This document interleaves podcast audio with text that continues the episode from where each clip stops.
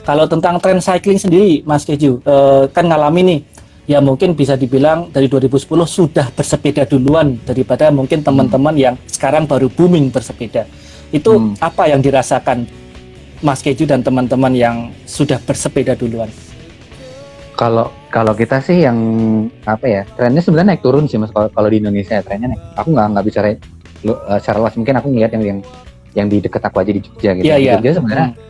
Sebenarnya naik turun dulu hmm, 2010, 2011, 2012, 2013 ke 2015 itu uh, habit bersepeda cukup cukup tinggi apalagi setiap Jumat kan di di sini kan ada Jogja Last Friday Ride ya. Iya. Uh, Jogja Last Friday Ride itu hampir setiap bulan itu selalu ramai.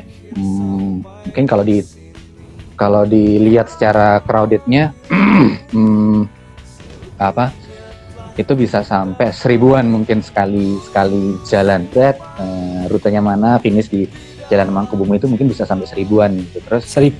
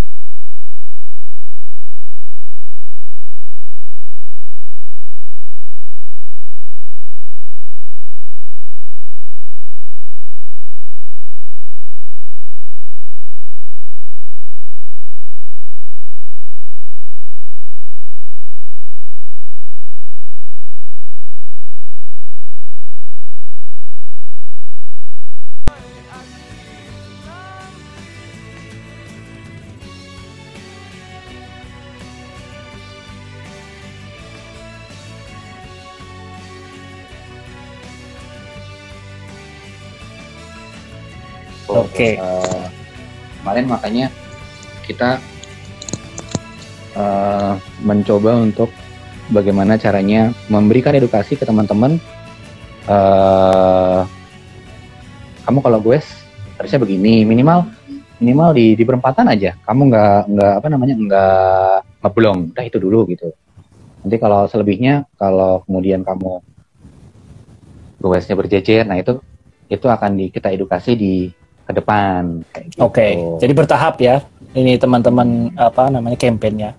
Ya mungkin Hmm. sedikit share ya. Kalau di Jepang sendiri kan memang sudah habitnya cukup rapi kalau bisa dibilang dan bersepeda Hmm. di sini tuh udah kayak hal umum. Jadi ke mana-mana kalau kita tidak berjalan, commutingnya itu ya bersepeda. Dan Hmm. karena memang eh, aturan di lalu lintas itu setiap kendaraan bermotor itu akan mendahulukan yang bersepeda atau yang berjalan kaki, maka setiap zebra cross atau setiap ada ya benar setiap ada zebra cross mereka akan melambatkan. Jadi melambatkan Hmm. kendaraan kita bisa crossing.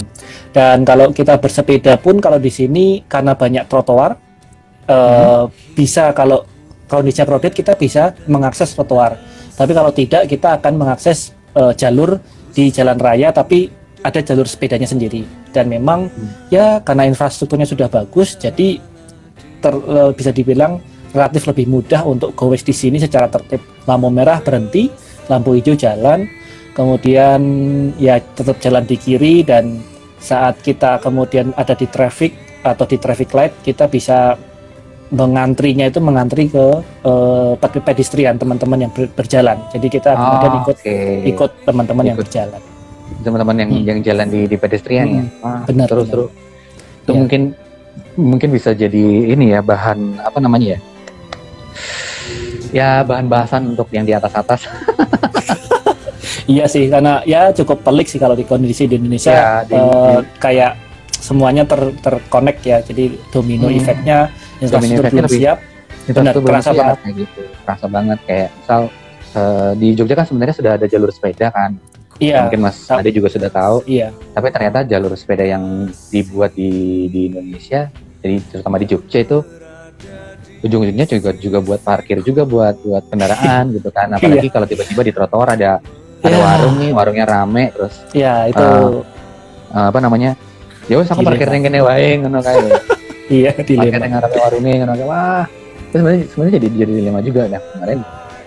eh, ya kita kalau kalau dari kita teman-teman yang kemudian kita bicara soal bagaimana kemudian mengedukasi teman-teman ya kita nggak nggak belum sampai ranah itu ya kita hanya bagaimana kita mengedukasi teman-teman untuk lebih lebih lebih tertib aja karena kan beberapa waktu yang lalu juga sempat kejadian juga tuh mas Eh, ada rombongan mereka nutup jalan berhenti harusnya kiri jalan terus mereka Oh, berhenti jalan itu. Nah, permasalahan utamanya adalah uh, teman-teman itu di, dikasih tahu tapi malah ini malah marah-marah gitu. Udah, yo kowe iki salah janjane.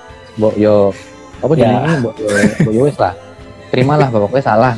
Tapi malah kok sing sing ngelengke malah lu malah sing dielengke malah lu galak. sing malah galak.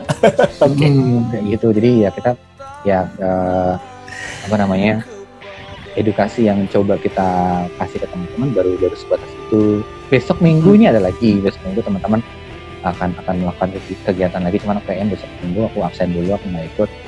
Eh, biar biar karena ternyata eh, ini jadi jadi sesuatu yang menarik mas. Setelah hari Minggu itu kita pertama kali eh, campaign eh, Jogja Santun bersepeda, efek dominonya ternyata besar. Efek positifnya ya efek positifnya. Oh, jadi banyak kemudian teman-teman di, di di daerah di pinggiran-pinggiran kota Jogja kayak di Batul terus eh, kemarin kalau nggak salah ada, ada aku lupa di kota mana lagi itu ada di luar kota. Itu mereka juga juga sangat ingin mengadaptasi apa yang kita lakukan gitu loh. Hmm. Eh, jadi em, jadi jadi sesuatu hal yang harapannya ke depan teman-teman bisa lebih tertib lagi bersepeda, lebih ya maksudnya kita bisa bisa sama-sama saling menjaga lah biar nggak kenapa-napa di jalan toh kayak gitu. Oke, thank you banget nih Mas Keju udah sharing dari awal gimana fix courier. Tapi karena keterbatasan waktu nih tinggal Waktu beberapa ya. detik lagi. Tinggal Iya. berarti lagi karena kalau nggak nanti live kita mati dan nggak bisa di save. Iya bener. Kalau gitu makasih ya Mas Keju. Sama-sama, terima kasih banyak waktunya, terima kasih pesannya. Kita nanti ketemu lagi di acara berikutnya. di acara Terima kasih berikutnya. teman-teman yang sudah dengerin. Terima kasih yang sudah Bye bye. dengerin.